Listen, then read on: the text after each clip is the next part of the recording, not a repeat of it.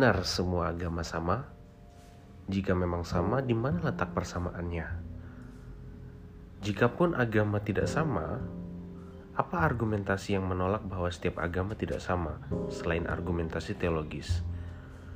Pada segmen ini tentu kita tidak akan banyak atau tidak terlalu dalam untuk memperdebatkan untuk membicarakan tentang argumentasi ketuhanan ataupun uh, yang mencakup pembelaan atas keberadaan Tuhan, kemudian uh, penyangsian atas keberadaan Tuhan ataupun penolakan atas keberadaan Tuhan, ataupun lebih fokus kepada pembahasan tentang agama. Apakah agama itu agama mana yang paling benar, agama mana yang sah dan sebagainya.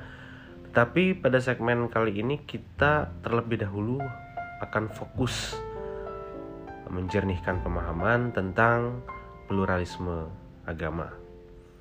Sebelum sampai kepada pluralisme agama, terlebih dahulu saya akan mengkorek apa itu pluralisme.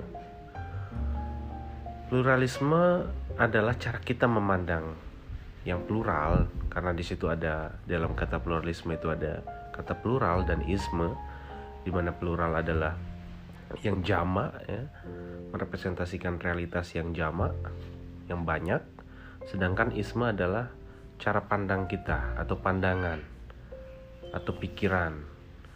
Jadi sederhananya pluralisme adalah cara kita memandang realitas yang jamak. Atau mungkin bisa kita perluas pemaknaannya menjadi sikap ya. Pertama kita sudah punya cara pandang Lalu kemudian cara pandang itu menentukan sikap kita terhadap realitas yang jamak itu.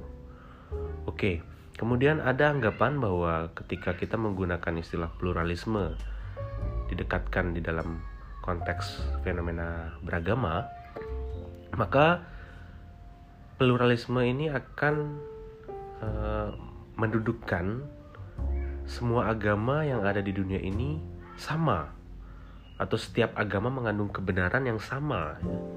atau mungkin lebih spesifiknya setiap agama itu memiliki jalan keselamatan keselamatan yang sah ya. Nah itu itu anggapan umum yang muncul belakangan ini tentang pluralisme agama. Apakah benar demikian? Sebetulnya kita bisa memilah ya antara yang memandang agama dengan cara menghadirkan batasan-batasan antar agama di mana di situ ada inti dari agama yang tidak bisa dikompromikan dan ada ranah di mana agama-agama itu bisa didialogkan. Kemudian ada juga pandangan yang menganggap bahwa ya setiap agama itu berbeda. Baik inti maupun luar inti itu berbeda dan tidak bisa dipertemukan seperti itu. Nah, jalan tengahnya kita bisa membangun pemahaman bahwa kita mengakui, kita bangun dulu pemahaman kita bahwa realita menunjukkan bahwa agama-agama itu beragam. Ada agama Islam, Kristen, Buddha, Hindu, Konghucu dan lain sebagainya ataupun agama-agama yang berbasis lokal ya, agama uh, pengadut kepercayaan lokal misalnya di luar agama-agama besar, kita mengakui dulu bahwa itu sebagai bagian dari realitas kita. Ya, kita berhadapan dengan realitas itu. Nah, setelah kita mengakui bahwa realitas itu jamak dan kita adalah bagian dari eh, realitas yang plural itu, maka sikap kita selanjutnya adalah menghargai pluralitas itu. Dengan cara pertama kita taruh saja inti dari agama kita untuk tidak dikompromikan. Semisal ada prinsip ketuhanan, prinsip uh, surga neraka misalnya atau prinsip-prinsip eskatologis surga neraka dan lain sebagainya ya. Afterlife itu termasuk juga nah itu kita tidak perlu mendialogkan. Kita tidak perlu untuk uh, memperdebatkan itu ya. Uh, ini tentu saja terlepas dari misi-misi setiap agama yang ingin uh, mengajak ya atau memperluas ajaran agamanya kepada orang lain seperti itu.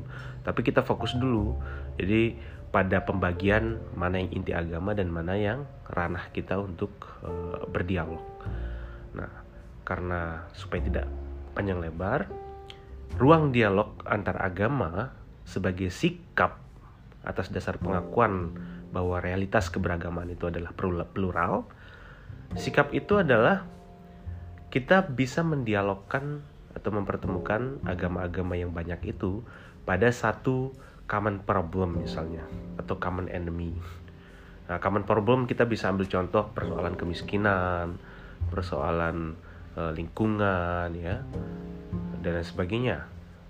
Ataupun misalnya common enemy, misalnya kejahatan, terorisme, korupsi dan sebagainya. Nah, hal-hal seperti itulah yang bisa menjadi katalis bagi kerukunan antar umat beragama. Jadi setiap agama itu diwakili oleh tokoh-tokohnya misalnya untuk mendialogkan masalah lingkungan, apalagi yang paling urgent adalah masalah lingkungan. Jadi eh, sekarang ini sudah sepatutnya para pemuka agama tidak hanya fokus membicarakan soal akhirat misalnya, tapi juga menyuarakan soal ekologi ya, soal lingkungan, di mana ekosistem kita ini semakin rusak ya oleh eksploitasi yang besar-besaran di sektor mineral misalnya, sektor pertambangan. Nah, itulah yang perlu untuk dibahas oleh para pemuka agama. Sampai berjumpa di segmen uh, yang lain. Terima kasih.